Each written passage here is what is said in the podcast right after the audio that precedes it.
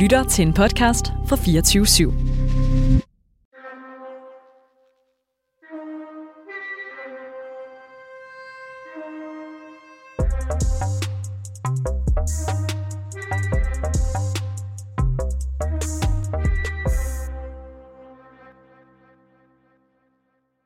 Eskil, har du nogensinde været så syg, at du ikke øh, kunne passe på dig selv? Øh, nej, jeg har aldrig været indlagt, hvis det er det, du tænker på. Øh, men jeg har da været, jeg har da prøvet at være ret, være ret smadret indeni. Øh, hvad med dig? Jeg har heller ikke været indlagt. Øh, altså, jeg har været nede og skrabe bunden nogle gange, men jeg føler mig ret heldig, at det aldrig har været i længere perioder. Øh, min psykolog siger, at jeg måske er mere bange for at ryge ud over afgrunden, end at det er så sandsynligt, at det hele rent faktisk brænder sammen. Øhm, til gengæld så har jeg prøvet rigtig mange gange og følt mig meget utilstrækkelig øh, som ven, øh, når folk omkring mig har været i krise. Øhm, det, altså, det er som om, at vi ikke har nogen systemer, og jeg føler mig meget utilstrækkelig, når det kommer til det. Det kan jeg også. Jeg synes også, det er, det er svært, og vi snakkede lige ude, inden vi startede i dag, det her med, at det har været en meget lang vinter. Jeg synes alle, eller ikke alle, men jeg synes rigtig mange af mine venner og bekendte har haft det helvedes over vinteren. Så øhm, ja, det, det er noget svært noget, vi skal snakke om i dag. Øhm, og som jo også handler om det her med, øh, hvad skal man sige, det der med at gøre det til, til noget fælles og noget socialt. Sådan, øh, jeg tænker på det her med, at, at øh, det er svært at, at, at, no, at nogle gange, så er, det, så, så er det svært at være en god, en god ven. Jeg har tænkt for eksempel, nogle gange har jeg det sådan, at jeg står her og laver radio, men jeg har flere venner, som faktisk har det af helvedes til lige nu, som man måske burde være sammen med. Så, men øh, ja, sæt jinglen på. Det gør jeg.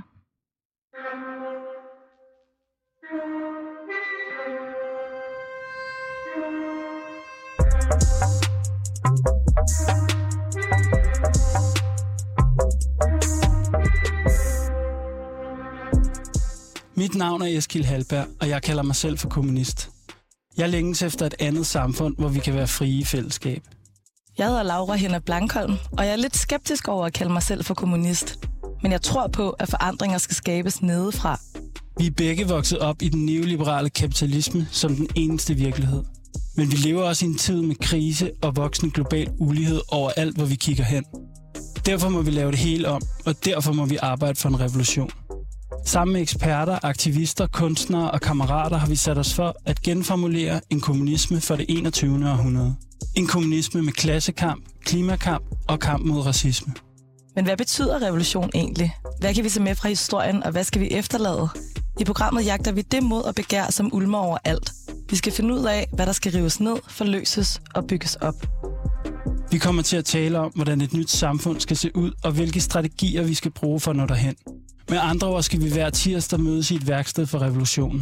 Vi har kun vores lænker at miste, men en verden at vinde.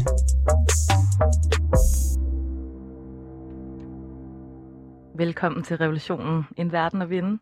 Og øh, når vi taler om det her med revolution, eller vi skal lave et radikalt andet samfund, der taler vi tit om kamp, og vi taler om det her med at gå på gaden. Og der sker de her voldsomme begivenheder, som der vender det hele på hovedet. Øhm, og, og den revolutionære person er lidt stereotyp måske, den her heroiske figur, som der går forrest i kampen og står på barrikaderne. Men der er noget lidt utilstrækkeligt, øh, måske i den her forståelse af politisk forandring, fordi hvad med dem, som der i perioder eller mere permanent ikke kan overskue at gå på gaden, eller som der ikke kan tage gode beslutninger for deres eget liv? Ja, og altså man kan jo sige, øh, at, at det er jo et meget udbredt fænomen, det her med at have det dårligt, eller have forskellige former for psykiske lidelser eller psykisk sygdom. Det er jo sådan, at faktisk hver tredje person i Danmark på et eller andet tidspunkt i sit liv vil opleve en eller anden form for psykisk lidelse eller den slag. Og, og det er jo også meget udbredt, det snakker man meget om blandt unge mennesker, at angst og depression er meget udbredt. Øhm, og det, der er jo spændende for mig, det er jo det her med, om der er en eller anden forbindelse mellem det og så det, vi i det her program kalder det kapitalistiske samfund. Og det tror jeg helt bestemt, der er, men øh, hvad den forbindelse helt præcist handler om, det, øh, det er lidt uklart. Men så er der jo også det andet spørgsmål, som ligesom handler om, i det her program, der skal vi lave en kommunisme, som i princippet, og det snakker om mange, mange gange, skal kunne indeholde alle verdens 8 milliarder mennesker, 7-8 milliarder mennesker. Og mange af dem, de er jo, ja, vi skal snakke lidt om sproget her senere, men psykisk syge, eller psykisk udsatte, eller øh, lider af sindssyge øh, på forskellige lederkanter. Øh, så en kommunisme må selvfølgelig også øh, handle om det spørgsmål. Hvad gør vi med hvad gør vi med psykisk sygdom i den kommunistiske tradition? Og der har jo faktisk været nogle forsøg. Jeg synes ikke, øh, den kommunistiske bevægelse måske har været, været god nok, og der er nogle ting, vi skal ligesom komme omkring i, det, i dag med det. Men der har jo trods alt været nogle forsøg på at tænke psyken ind som en del af det politiske eller revolutionen, for eksempel efter 68, kan man sige, at det blev, at psyken blev ligesom i en eller anden forstand politiseret, eller tænkt mere som noget politik, eller et eller andet. Og det havde måske også nogle lidt, det var måske nogle lidt satsede idealiseringer af for eksempel skizofreni og sådan noget. Øhm, men der har været nogle forsøg i hvert fald på at tænke det her spørgsmål. Ja, vi kommer lidt ind på nogle af de her forsøg, øhm, men måske så betyder det, at, vi, at det vi mener, når vi taler revolution i dag, også handler om en revolution af vores sociale relationer, og hvordan vi kan passe på hinanden.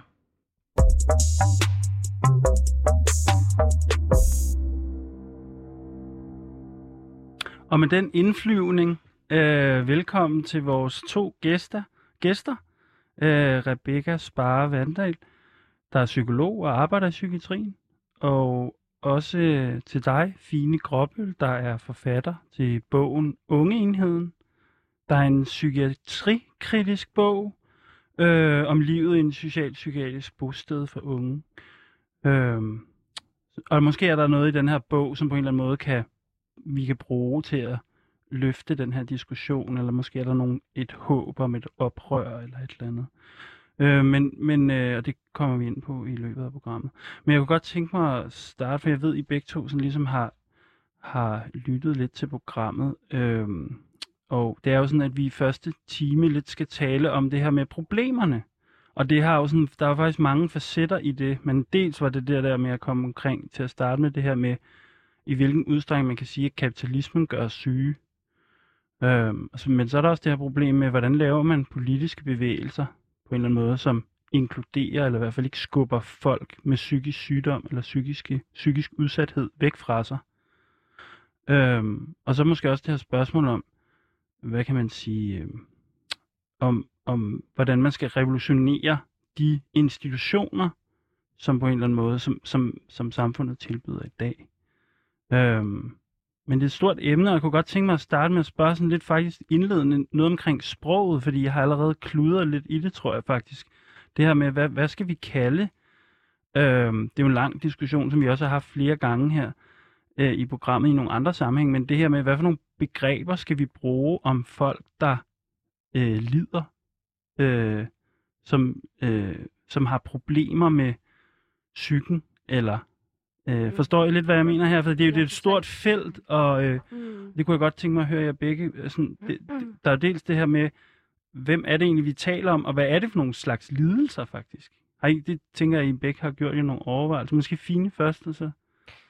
Ja, så øh, ja, det er, jo et, det er jo et ret stort spektrum. Altså, når man snakker om psykisk sygdom, så kommer man på en eller anden måde, man vil gerne ligesom også have et ord eller et begreb, der på en måde skal dække over det, men, men det er jo enormt komplekst, og det spænder jo enormt vidt, især den måde, som, som psykiatrien i hvert fald i dag diagnostiserer på, at der er måske nogle aspekter i det, der i en anden verden, i et andet samfund, ikke nødvendigvis vil være noget sygt, mm. eller noget, som man selv vil opleve som noget sygt. Øhm, hvorimod jeg tror, at der er noget, i hvert fald også sådan for mig personligt i selv, at have haft erfaringer i i altså at have haft en psykisk sygdom, at, at i at bruge ordet sygdom er også en måde at anerkende den smerte, der er forbundet med at gennemleve en krise, og, øh, og, og ligesom sådan øh, også anerkendt på en måde, at det ikke bare handler om en eller anden anden måde at være til stede i verden på, men, men der faktisk er helt konkret meget smerte forbundet. Jeg tror, at, at jeg tit selv kommer til at bruge ordet psykiatribruger, øh, som jo er sådan, bliver sådan lidt et, et fancy om, ord, som måske også bliver sådan...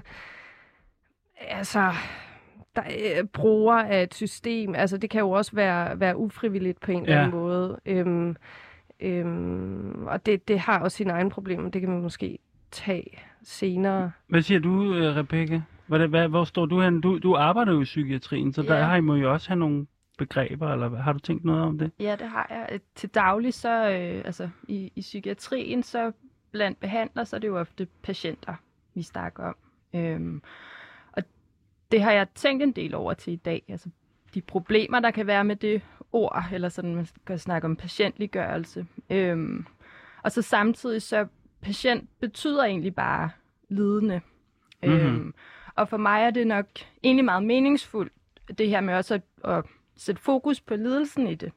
At, at de fleste mennesker, der kommer øh, og søger hjælp i psykiatrien, kommer der, fordi der er en eller anden form for lidelse i deres liv. Øhm, Skal vi så kalde det for psykisk, psykisk lidende i dag? Eller hvad, hvad, hvad skal vi bruge i dag, når vi taler om, om det her problem?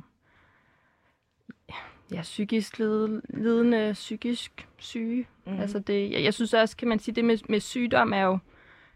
Jeg har nok et lidt ambivalent forhold til ordet psykisk sygdom, fordi altså, jeg kan godt følge det, som du siger, i forhold til det, sådan, der er sådan en anerkendelse ligesom mm. af på en eller anden måde alvorligheden i Mm. det. Og så samtidig så kan man sige, det at kalde noget for en sygdom, øhm, giver også, tror jeg, mange mennesker nogle associ- associationer til mm. Det somatiske, og. Mm. den der, det har, nok, det har vi nok alle sammen hørt, det der med at have en depression, det er ligesom at have et brækket ben. Ja. Mm. Øhm, og det kan der også godt være noget strategisk i nogle Ja. gange at sige, for ligestille de to områder, men jeg Mm. synes også i forhold til ligesom at forstå Mm. beskaffenheden af fænomenet, kan det også være på en eller anden måde lidt misvisende. Mm. Så måske så handler det også om det der med, at, at det, det er rigtig komplekst, og vi, vi kommer ikke til at lave den her, altså finde det ene ord. Nej. som der giver super god mening. Fordi det, altså den her diskussion omkring sprog, det, det peger i hvert fald på, at det, der vil være nogle nuancer, der ryger, uanset hvilket ord man bruger. Mm. Ja, fordi der er også stor forskel på for eksempel at være autist og så lide af en depression. Altså det er to meget forskellige Præcis. fænomener, Præcis. som også måske skal, hvor vi skal bruge nogle forskellige begreber til at overhovedet forstå det. Ja, Både sådan personligt, men også strategisk, eller det som du siger, øh, Rebecca. Problemet med syg er jo også, bare lige for at knytte en kommentar, og jeg er meget også enig i, hvad du siger, Rebecca, er jo også, at, at inde i ordet syg ligger der også ordet rask. Altså, hvad er Mm. rask for et fænomen, og er, er rask et sted, man ligesom skal nå hen til? Er det et endemål? Eller, øhm, og og det, det, det er jeg ikke så sikker på, at det er. Mm. Klart, fordi der er også noget med en, den ideelle krop, hvad er det for en slags krop og Mm. sådan noget. Ja, præcis. Udmærket. Spændende. Så det, altså, vi er jo allerede, vi er jo allerede lidt sådan, øh, vi træder lidt ud i noget her, som, øh, som vi, ikke, mm. hvor, vi, hvor det ikke er helt klart, hvor vi skal hen. Men det er rigtig spændende og nogle meget vigtige diskussioner. Men så har jeg jo det her andet spørgsmål, som jeg altid stiller jer øh, gæsterne, for jeg er jo på jagt efter den her kommunisme fra det 21. århundrede. Og jeg vil jo gerne have en kommunisme, som ligesom også kan tænke og organisere sig omkring det her problem. Sådan. Men øh, er I, hvad, Rebecca, hvordan har du det? Er du kommunist? Ja, tja, altså. øhm, Det var bedre, det var bedre end tja. den sidste. Ja, ja. Ej, jeg tror, altså på mange måder, så øh, er, er kommunisme nok sådan den ideologiske position, jeg sådan identificerer mig mest med. Og så samtidig, så tror jeg også, at jeg altså, man siger, føler, at der er sådan lidt, sådan, de sådan konkrete ligesom, typer af kommunisme, der har fandtes ud i verden, og hvem der kalder sig kommunister i dag i Kina. Og, ja. øhm, jeg synes, det er sådan lidt et lidt tungt ord. Så jeg tror, Ja. jeg er sådan der lidt mere flydende på Ja. en eller anden måde. Men vi prøver jo, øh, altså Eskilds projekt er jo at lave en rebranding. Ja, Altså ja. Ligesom at sige, at det kan Mm. rumme alle de ting, som vi Men det snakker der tja, Ja, det tja. holder jeg fast i, tror jeg. Okay. Hvad siger du, Fine? Hvordan har du det med det?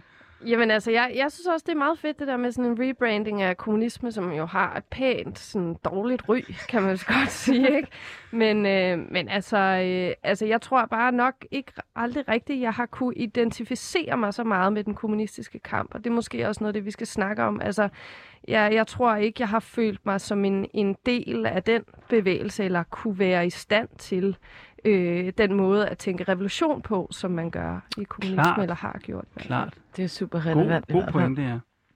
vi, plejer også at spørge det her med, hvordan folk de blev aktivister, eller hvorfor de startede med at gøre det, som, som, som vi taler om øhm, i programmet.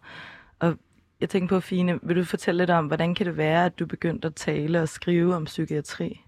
Ja, altså, øh, da jeg var øh, 17 år, så blev jeg øh, syg med en øh, depression og med angst, som, som førte øh, til øh, flere diagnoser og flere ligesom... Øh, øh, psykiske sygdomme, hvis vi skal bruge det ord. Ikke? Og, og jeg var i, i psykiatrien i, i mange år, i, i mine sådan, sene teenageår og, og tidlige 20'er.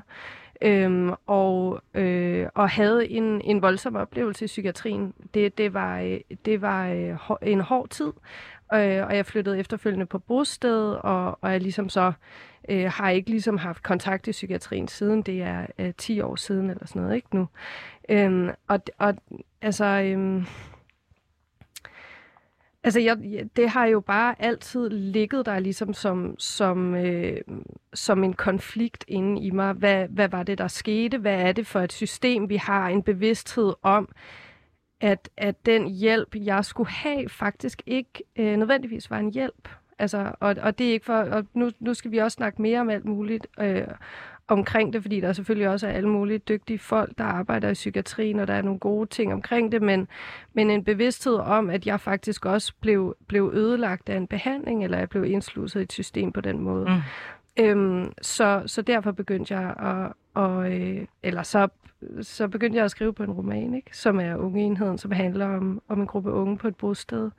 Øhm, og det, det tog lang tid, før jeg sådan egentlig kunne beskæftige mig med det, men jeg har konkret altid været interesseret i, hvordan kan vi gentænke psykiatrien, mm. altså faktisk også mens jeg var indlagt tror jeg, arrangerede et oplæsningsarrangement til sidst og sådan noget. Altså, så, så det er helt, der har hele tiden været et eller andet med sådan, åh, kan vi sådan, hvad fanden, hvad fanden kan vi lige gøre, mm. altså? Og hvad med dig, Rebecca? Hvorfor begyndte du at læse psykologi og blev psykolog? Det er et vildt svært øh, spørgsmål, og jeg tror faktisk ikke helt, jeg ved det, øh, men jeg har alligevel sådan prøvet at intellektualisere lidt ja. over det. Ja, øhm, tak. altså, jeg tror, at en ret afgørende oplevelse for mig var, at jeg øh, som 17-årig øh, lidt tilfældigt begyndte at læse Freud. Øh, og øh, nogle af hans case-historier, som jo meget, det fra et andet tid og et andet sted, men som på en eller anden måde også meget handler om, hvordan familieforhold, samfundsforhold på en eller anden måde krystalliserer sig i et individ, og i det her tilfælde øh, nogen, der kan man sige har blevet syge og, og søgt hjælp i, øh, en psykoanalytisk behandling. Og sådan denne her sådan, konflikt eller samspil mellem individ og samfund er nok sådan et, et grundproblem, som, øh, som har optaget mig rigtig længe. Mm. Og, og jeg føler jo også på en eller anden måde, at, at det er det, der gør arbejdet som klinisk psykolog i psykiatrien rigtig spændende. Altså sådan, at det er selvfølgelig meget med udgangspunkt i individer, men den her sådan, hvordan familier, relationer og skolegang og arbejdsliv ligesom på en eller anden måde så kan udkrystallisere sig i, i en person og en specifik type lidelse. Ja, men øh, jeg tænker, vi behøver ikke at forklare, hvem Freud er måske nu, fordi det bliver, det bliver måske lidt for langt. Ja, det, det, det tager vi en anden dag. Men, men okay. ja, han var tysker. han var tysker? ja, var han ikke det? Jeg ved, jeg okay. er ikke Freud-ekspert. Okay. Han var østriger. Han var østriger, ja. der kan sige. Okay, men Fine, i, i din bog Unge Enheden, der, øh, som du fortalte måske lidt om, der er det jo behandlingsstedet, som der er rammen øh, for bogen. Øhm, og kan vi starte med at snakke om, hvad, hvad er problemet med det sted? Øhm, og hænger det sammen med kapitalisme, som vi kæmper med i det her program? Lad os prøve at starte der. Altså, ja, lad mig lige beskrive først. Altså, øh, det bosted, de bor på, de unge, de bor ligesom på øverste etage i sådan en nedlagt plejehjem, som ligesom er blevet omstruktureret til at kunne huse mm. øh, enormt mange øh, borgere, der har brug for døgnbemandet personale, ikke? Og på den øverste etage, der bor de unge under paragraf 107 i serviceloven, det vil sige, at det er et midlertidigt botilbud. De er mellem 18 og 30, og det er meningen, de skal, som det hedder i, på sådan noget sprog, altså udsluses til en mere selvstændig boform. Mm. Og på paragraf 108, øh, som er de resterende etager, der bor folk altså permanent, har fået permanent ophold på sådan et sted, og er okay. det, man vil kunne sige kronisk syge. Ja. det de unge skal lære her, det er jo sådan noget... Det er jo, de, de mimer jo på en eller anden måde alle samfundets rutiner uden for det her sted, selvom at det her sted er ligesom sit eget meget sådan lukket univers. Altså det, det er en, en form for sådan selvkørende organisme i sig selv. Mm. Øhm, men det, de skal lære her, det er blandt andet vores jeg-fortæller skal lære at sove om natten, mm. øh, og, og lade være med at sove om dagen, hun skal have en, hvad kan man sige, almindelig døgnrytme, de skal øh, lære at lave aftensmad på sådan et passende tidspunkt, og det skal helst være sund mad, og man mm. kan ikke få burger hver dag, og mm. de skal gå ned i Netto og købe ind og have nogenlunde styr på et budget. Altså de skal ligesom på en eller anden måde, alle de almindelige daglige rutiner er noget, de øver sig i og laver som sådan en, egentlig måske en form for koreografi også, mm-hmm. ikke? Øhm, og derudover, så skal de lære ikke at skade sig selv, de mm. skal lære ikke at prøve at slå sig selv ihjel. Altså det, det hele eksisterer ligesom på nogenlunde samme niveau. Mm. Øhm, men, men det, der jo er særligt ved det her bosted, er jo, at at, at det handler jo om at gøre dem egnet til, til samfundet udenfor. Ikke? Mm-hmm. Det er ikke meningen, de skal blive boende. Det er ikke meningen, de skal ende nede på de andre etager. De skal helst komme udenfor igen. Men det udenfor, de ligesom skal vende tilbage til, er jo øh, i hvert fald et, et system, vi har, hvor man skal kunne have et, et arbejde på et bestemt tidspunkt. Man skal ligesom holde nogenlunde de her dage kørende, hvor man øh, arbejder fra mandag til fredag, man har fri i weekenden og sådan noget. Så på mm. den måde, så, så, så handler det om at gøre dem øhm, egnet til at kunne begå sig udenfor. Og det er jo sådan lidt ambivalent, altså, fordi på den ene side så er for vores jeg-fortæller de her rutiner altafgørende for, at hun overhovedet kan eksistere. Det er hendes måde, ligesom hendes eneste vej ligesom ud eller på vej hen til et liv, altså til sådan et eller andet form for sådan opretholdelse af, af et liv, ikke? Og, og på den anden side, så er det også nogle meget øh, særlige og snævre øh, øh, vilkår, de får lov til at eksistere under. Mm. Ikke? Øh, det er nogle meget bestemte former for liv, de skal lære at leve. Ikke? Mm.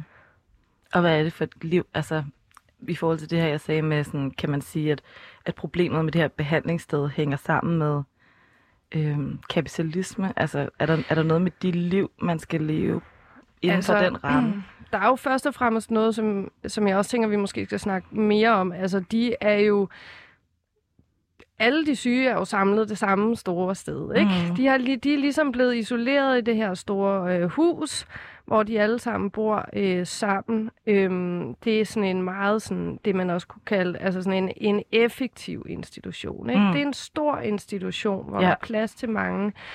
Og, og øhm, på en eller anden måde, så prøver personalet hele tiden at sørge for, at de unge ved, at om de er ligesom deres egen lille enhed. Det er kun midlertidigt. Det er så meget meningen, at de her unge ikke skal ligesom blive sådan nogle svingdørspatienter i psykiatrien. De skal sådan ud af det. Mm. Men, men de bor jo sammen med alle øh, de kronisk syge og lever ligesom i det her sted, så det er sådan på en eller anden måde underligt, at ungeenheden skal placeres der. Og det er der mm. jo egentlig kun én grund til. Det er økonomi. Ikke? Mm. Altså det handler om, at det er den mest effektive måde ligesom mm. at lave institution på. Ikke? Øhm, så nu, nu har vi talt lidt om, om problemet med det her behandlingssted, som du beskriver i din bog, og vi skal snakke meget mere om, altså om institutioner. Øh, men jeg vil godt lige åbne lidt for det her problem, som vi prøvede at rammesætte i starten, som der handler om det med vores sociale bevægelser, øh, og hvordan, øh, hvordan de er indrettet. Øh, og om et af problemerne også kunne være, at, at de simpelthen øh,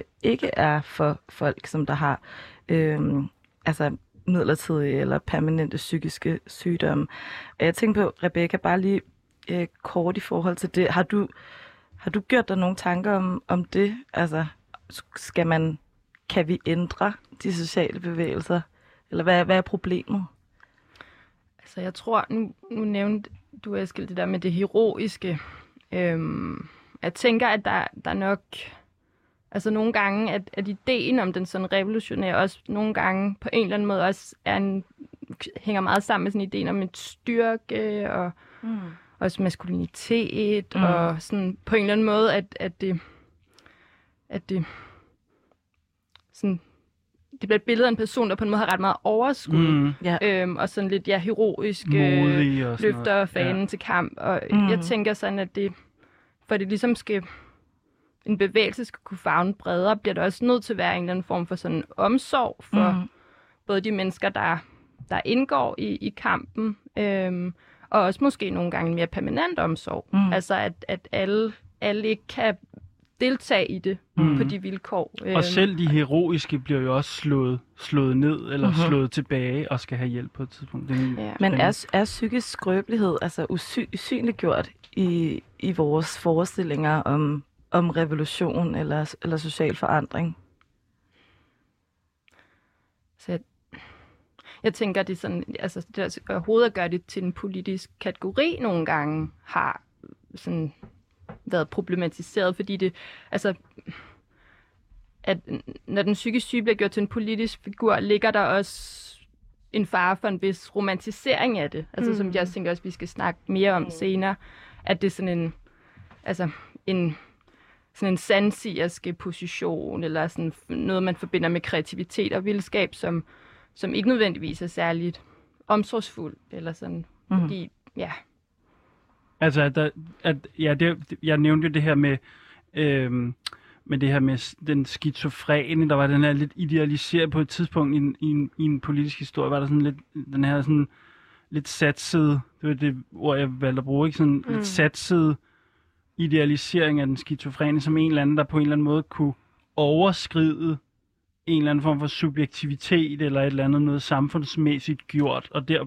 derfor på en eller anden måde havde en eller anden revolutionær energi, eller et eller andet. Og det, Men lad os ikke åbne op for Nej, det nu, nej, fordi nej, vi nej, skal nej, tale nej. netop omkring det her forsøg på at idealisere øh, psykisk sygdom og, og for eksempel skizofreni. Men vi skal lige have en anbefaling fra Fine først.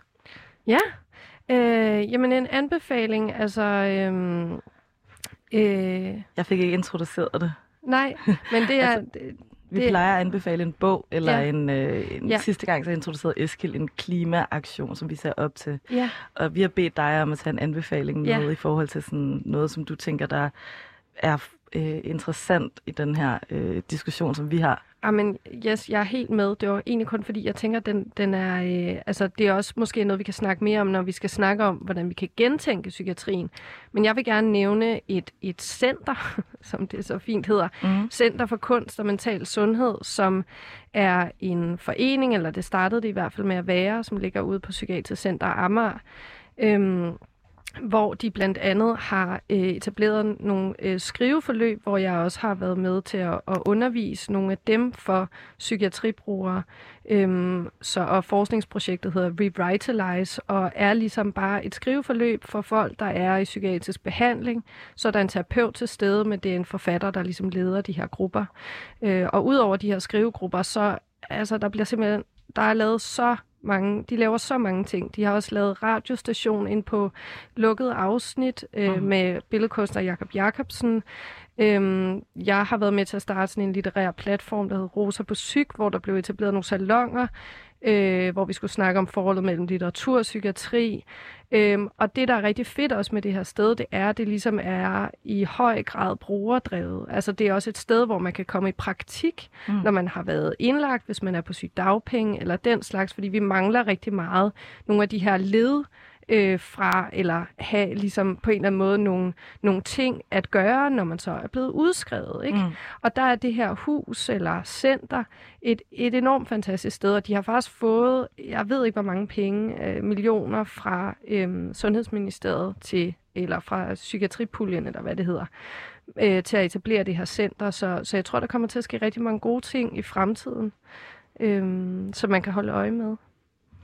Og må jeg spørge lidt uddybende, fordi, og kan du ikke sige noget mere om konkret, hvad er det så folk laver, eller har du nogle gode eksempler på, hvad det fede ved det er? For vi, hvis vi skal, vi skal også bygge vores egne institutioner efter revolutionen, så, mm. Mm. så det kan være, der var noget der, sådan, hvad skal vi have med fra det? Eller sådan, Altså, øh, hvad lavede du, for eksempel? Ja, men altså det jeg lavet, det er, at jeg har jo undervist to øh, skrivehold.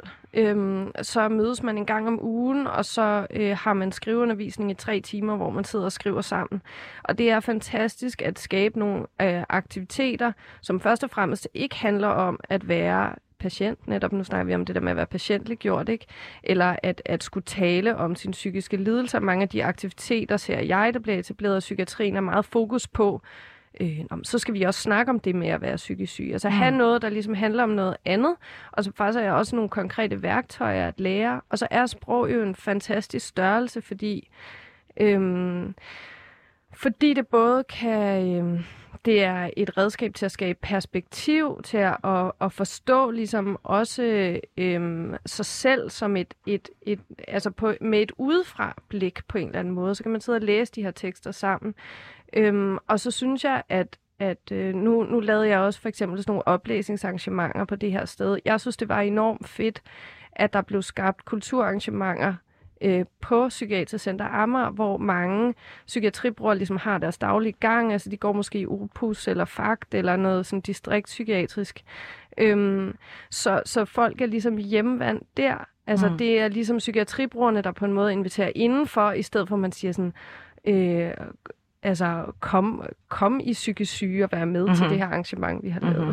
det så bare lige for at forstå, så på den måde, så er det heller ikke kun for psykiatribrugere. Altså det er jo det er bare nogle arrangementer, som der også er sådan faciliteret og organiseret af dem, ja, hvor de inviterer nogle andre ind øh, til at være en del af det fællesskab. Ja, det er det. Altså i hvert fald øh, noget af det. Skrivegrupperne er jo primært for psykiatribrugere, mm. ikke? Men, men, men ellers så er det netop også et hus, der skal tænkes som sådan Altså, og som du nævnte i starten, Eskil, altså psykiatrien vedrører os alle. Altså, sådan, der er virkelig få mennesker, der ikke på en eller anden måde kommer i kontakt med det psykiatriske system. Mm. Så det er jo vigtigt, at vi organiserer nogle rum, hvor at vi kan tale om det og forholde os til det, blandt andet gennem kunst. Øh. Ja, så måske er der noget, som vi kan bruge til vores utopisnak mm. til sidste i programmet, som der handler om, hvordan vi skal bygge nogle alternativer. Mm-hmm.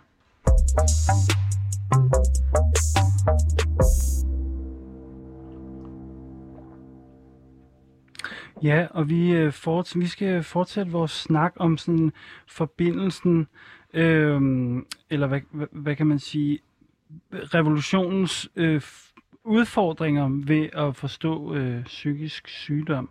Øh, men jeg synes faktisk ikke, vi kommer helt omkring det der med øh, hvad forbindelsen er mellem kapitalisme, jeg er jo kommunisten her, ikke? Hvad er forbindelsen mellem øh, kapitalisme og psykisk sygdom? Altså, vi var lidt inde på det, det der med, at sådan, en, sådan et bosted er en form for maskine, der skal sådan lære folk at gå på arbejde og leve i en familie og nogle af de der ting. Sådan. Men, øh, men vi, kan, I, kan, kan I, øh, vil du supplere med noget der i den sammenhæng, øh, Rebecca? Ja, måske det her med kø, køber i det her med, at kapitalismen er med til at skabe, altså gøre syge. Ja, det gør jeg.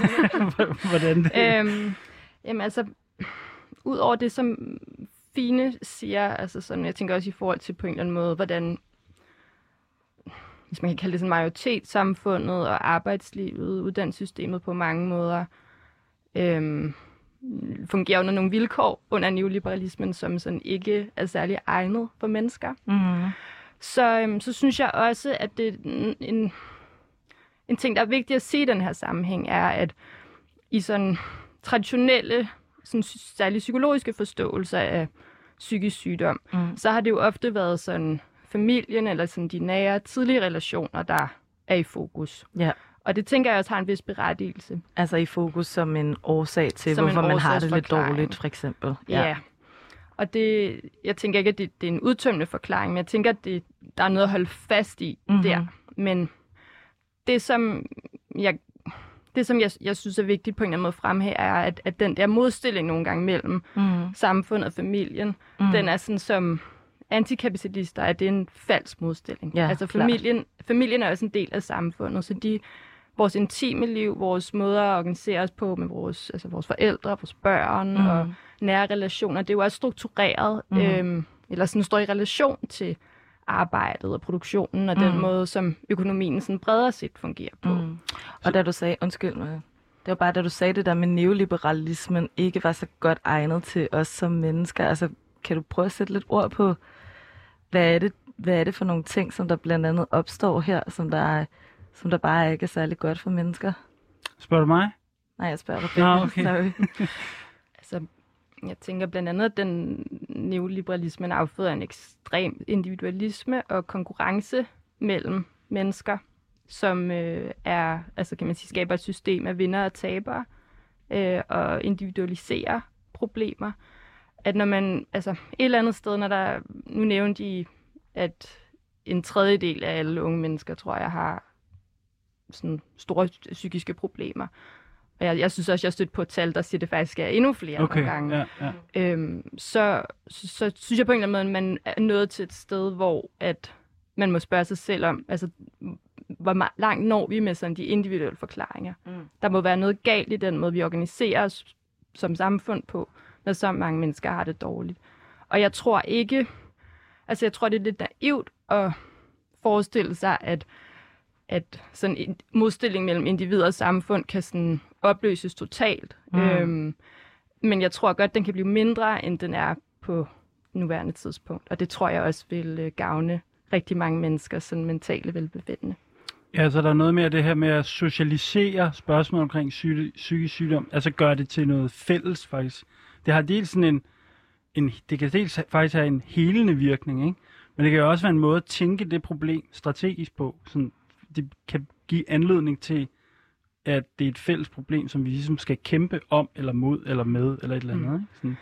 Jeg kom til at tænke på noget, for lige at tilføje noget, at, at øhm, et af de diagnostiske kriterier for en skizofrenidiagnose er altså social tilbagetrækning og isolationstendens.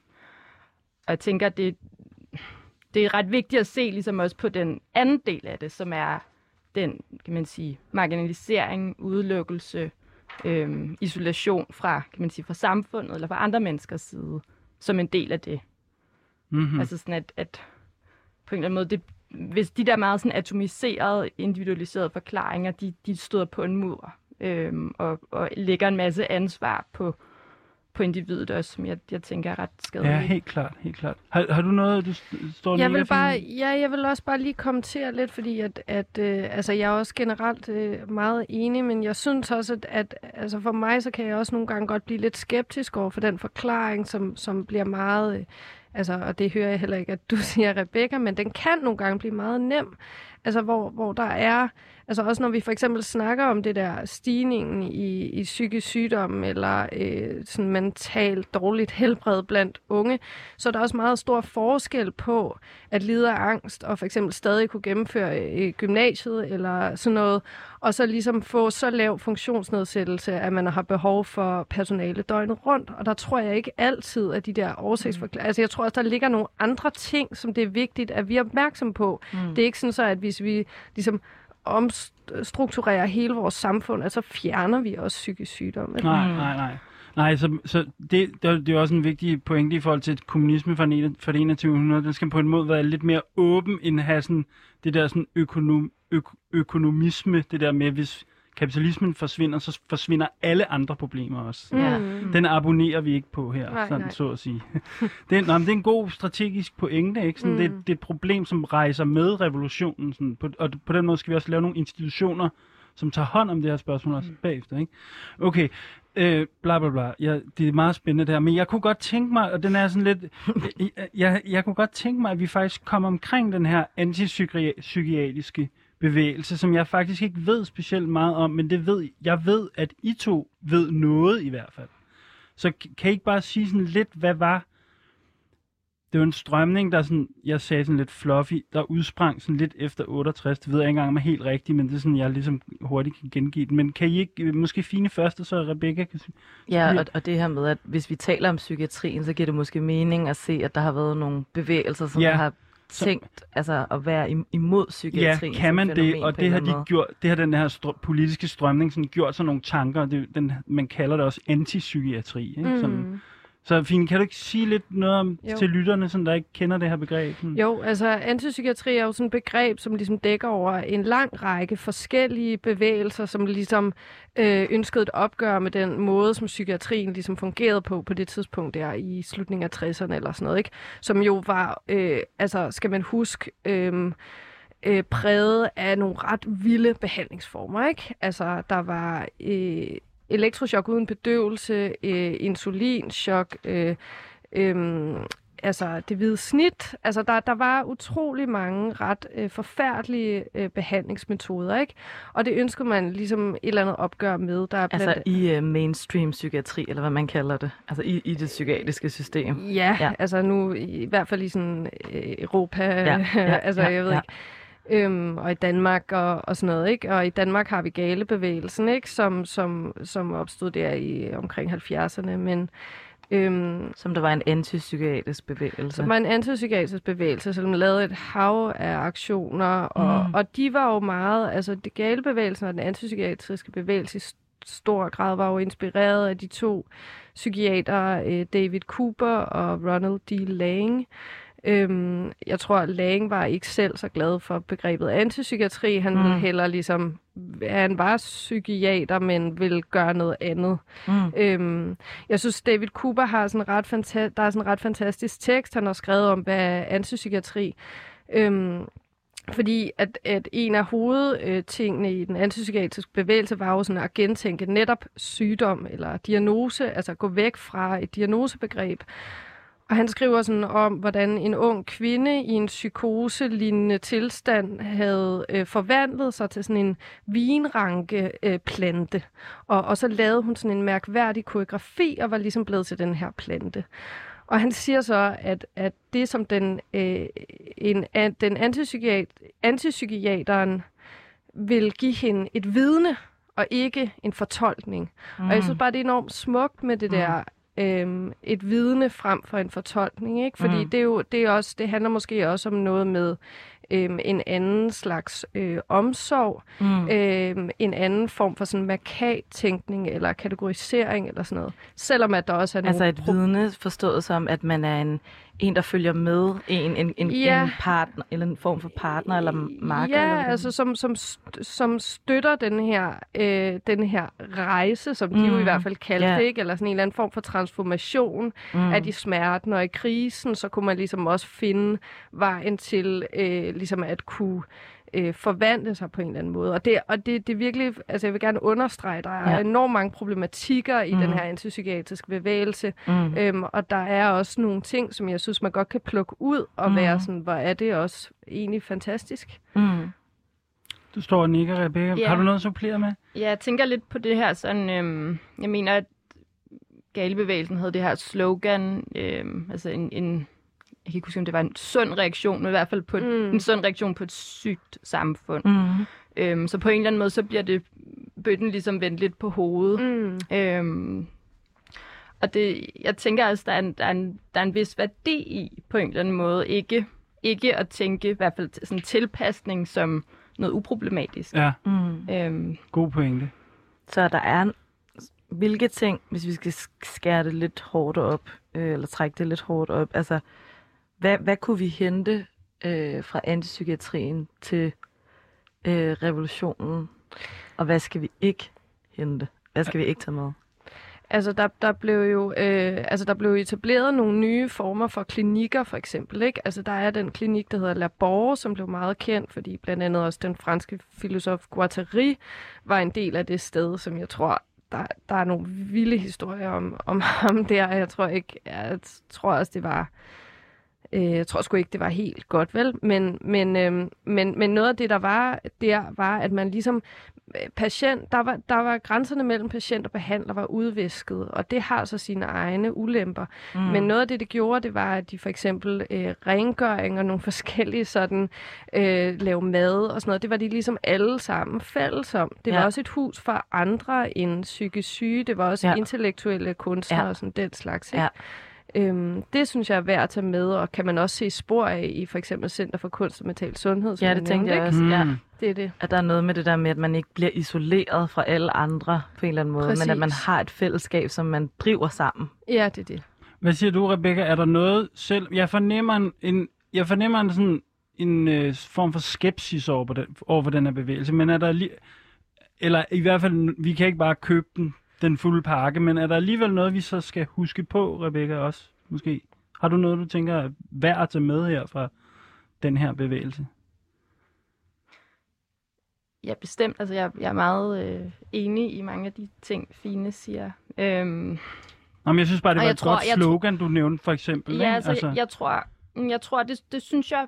Til, altså, jeg tror jeg, måske der, hvor jeg lidt hopper af, det er nok den der med sådan at kunne sige, så det er en sund reaktion. Fordi Mm. mm. den Ah, psykisk klart. sygdom går ofte først og fremmest ud over personen selv. Ja, Men jeg synes, den der med sådan også at, at vende blikket mod samfundet er vigtig. ja. Øhm, Fordi de havde et- et slogan, som der hed en, en sund reaktion på et sygt samfund, og der er, det, der er det den samfundsdel, som vi måske også var lidt inde på, da du sagde, kan vi afindividualisere, altså så det ikke kun handler om, at det, det er et, et, et indi- individuelt problem, jeg har inde i mig selv, men der er også nogle ting ude i samfundet, Mm. der gør, at jeg har det på den her måde. Og, og det kan mm. vi måske tage med fra den her antipsykiatri, eller hvordan?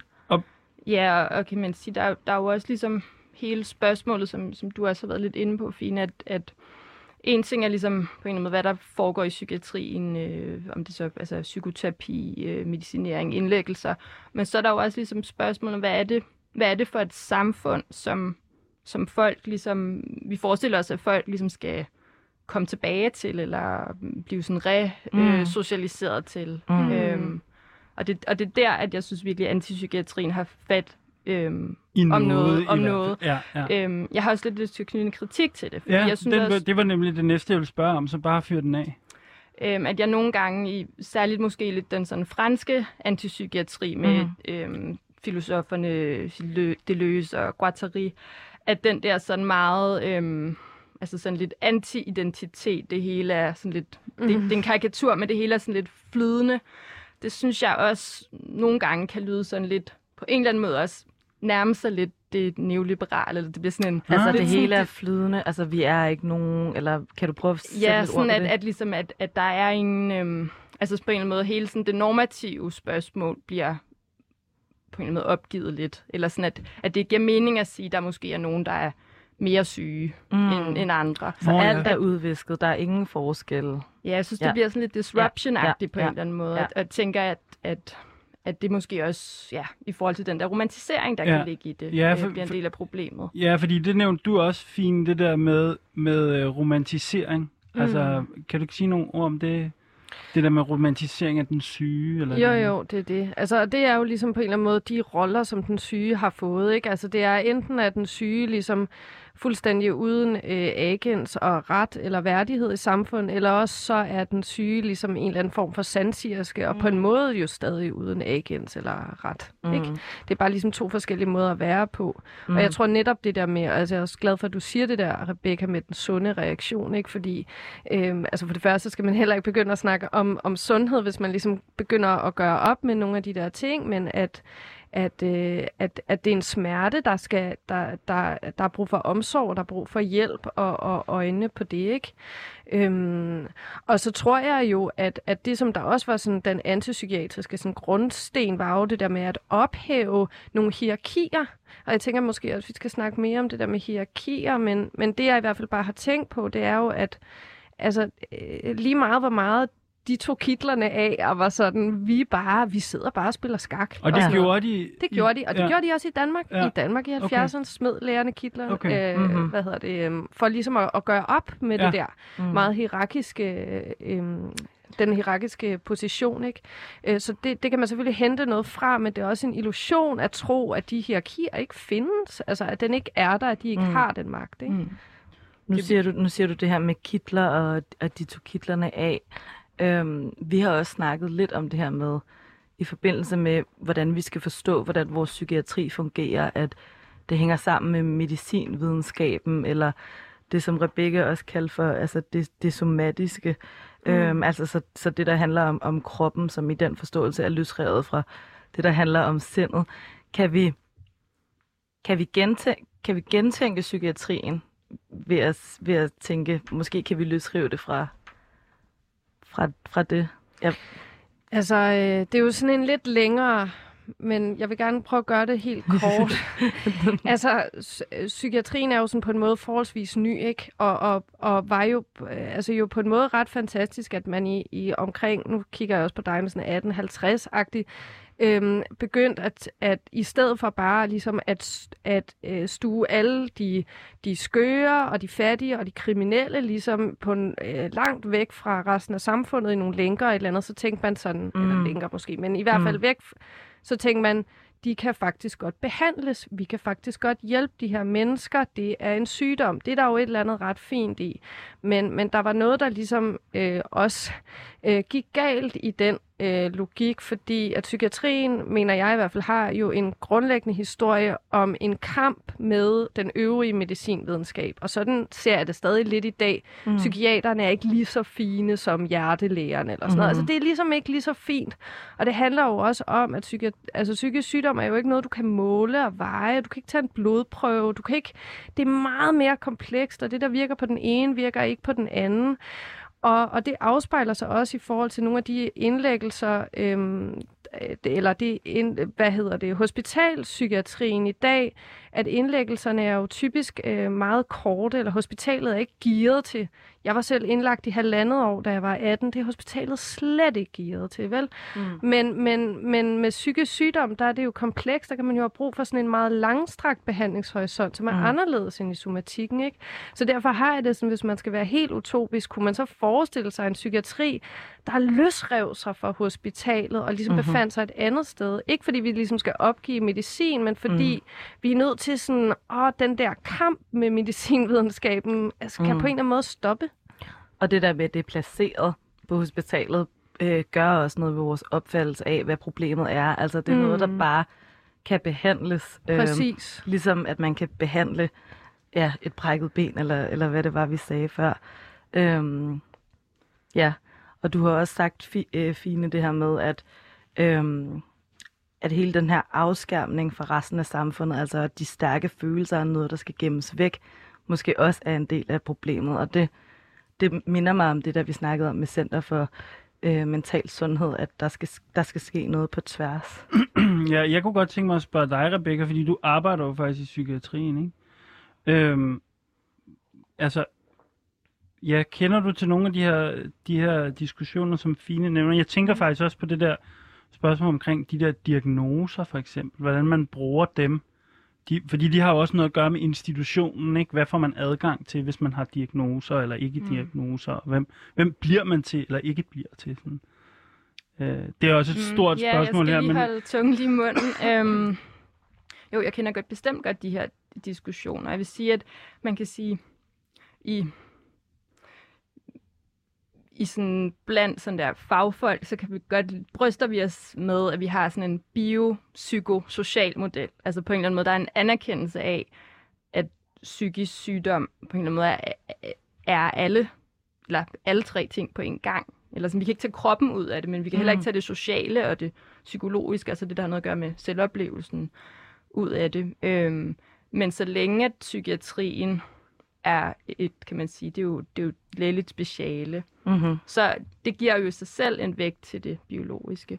Og jeg tænker ikke nødvendigvis, det er utopisk at fortsætte, øh, forestille sig noget andet. I Norge for eksempel, der har man jo faktisk, altså kan man sige, ændret øh, det, der engang hed psykiatrien til, hvad sådan et, jeg tror, de kalder det psykisk helseværn, øh, mm. hvor man kan sige, man har, man har øh, der er jo stadig læger og psykiater i det norske behandlingssystem, men, men de er mere ligestillet med andre faggrupper. Så der er simpelthen noget her med, at fagdisciplinerne og fakulteterne på universiteterne også, det er faktisk dem, der formulerer problemet om det her spørgsmål. Altså om man kommer fra lægevidenskaben, eller man kommer fra socialvidenskaberne, eller man kommer fra... Øh, det er jo også, det er også spændende. Øh, og vi skal høre nogle flere eksempler på, hvordan vi kan finde øh, nogle alternativer Øh, vi skal snakke mere om strategierne øh, i anden time. Øh, og jeg vil bare lige sige, at øh, nogle af de her ting, som vi kom ind på omkring behandlingsstedet og øh, alternativer til at tænke psykiatri, ja, det, det, det kommer vi altså mere ind på. Øh, husk, at du kan høre vores tidligere programmer i 24 app, og hvis du har nogle spørgsmål, så kan du skrive til revolutionen 247dk Og i anden time, der vender vi tilbage til at tale med psykolog Rebecca Spare Vandal og Fine Krøbbel, der er forfatter